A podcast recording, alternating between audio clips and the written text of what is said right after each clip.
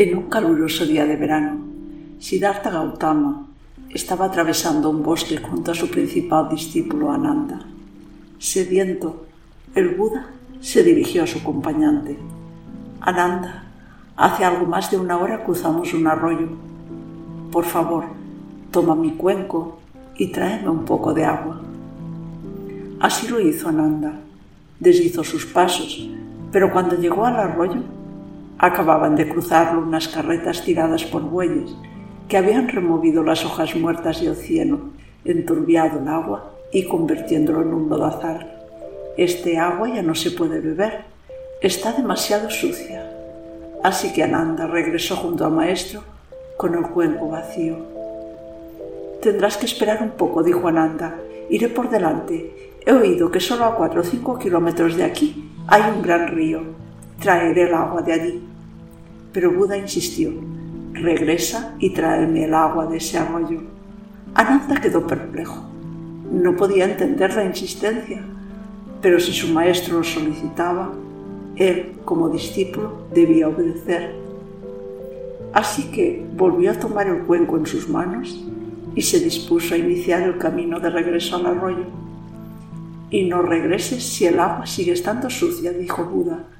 No hagas nada, no te metas en el arroyo, simplemente siéntate en la orilla en silencio y observa.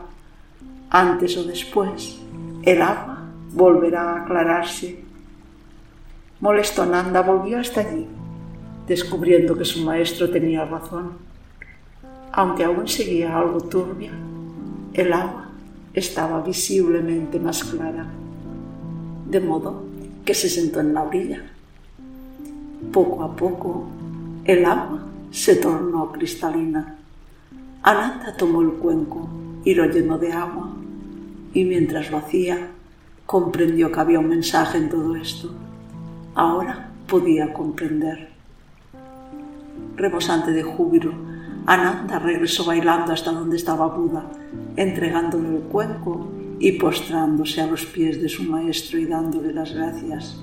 Soy yo quien debería darte las gracias, me has traído el agua, dijo Buda. Volví enojado al río, contestó Ananda, pero sentado en la orilla he visto cómo mi mente se aclaraba, al igual que el agua del arroyo. Si hubiera entrado en la corriente, se habría enturbiado de nuevo. Si salto dentro de la mente, genero confusión. Empiezan a aparecer problemas.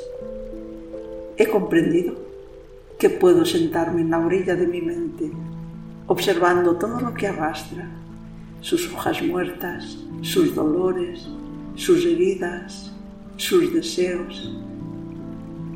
Despreocupado y atento, me sentaré en la orilla y esperaré hasta que se aclare.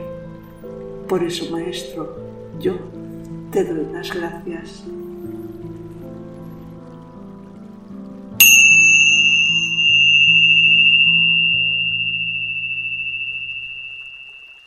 Quan sentis en tu alguna emoció pertorbadora, quan notis que estàs en la ràbia, en l'ofuscació, en la frustració. Fes com Ananda. Seu i medita. Senta't en la teva postura de meditació i observa la teva ment.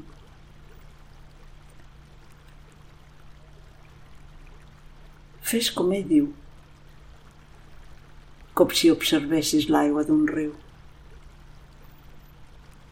com si et sentessis a la vora de la teva ment i observa el que passa.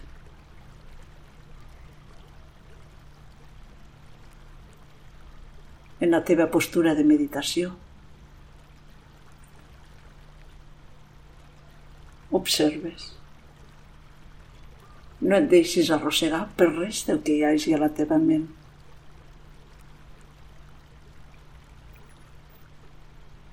No celtis dins de la teva ment, ni corris darrere els pensaments, ni et deixis arrossegar per remolins de les teves emocions. Només estiguis i observa. Observa el que apareix i deixa que marxi com l'aigua d'un riu, que vagi fluint.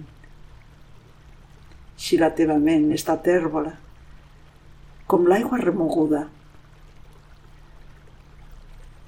si fas com Ananda, no entres dins del riu, no remoguis més l'aigua, deixa que s'assoli i així quedarà neta.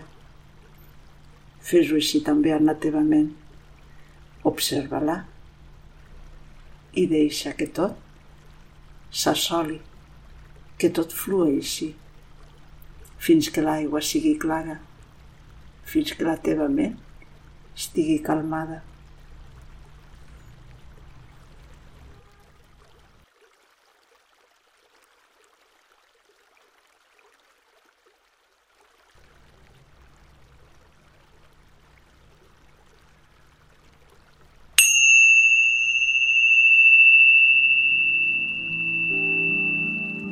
नमस्ते।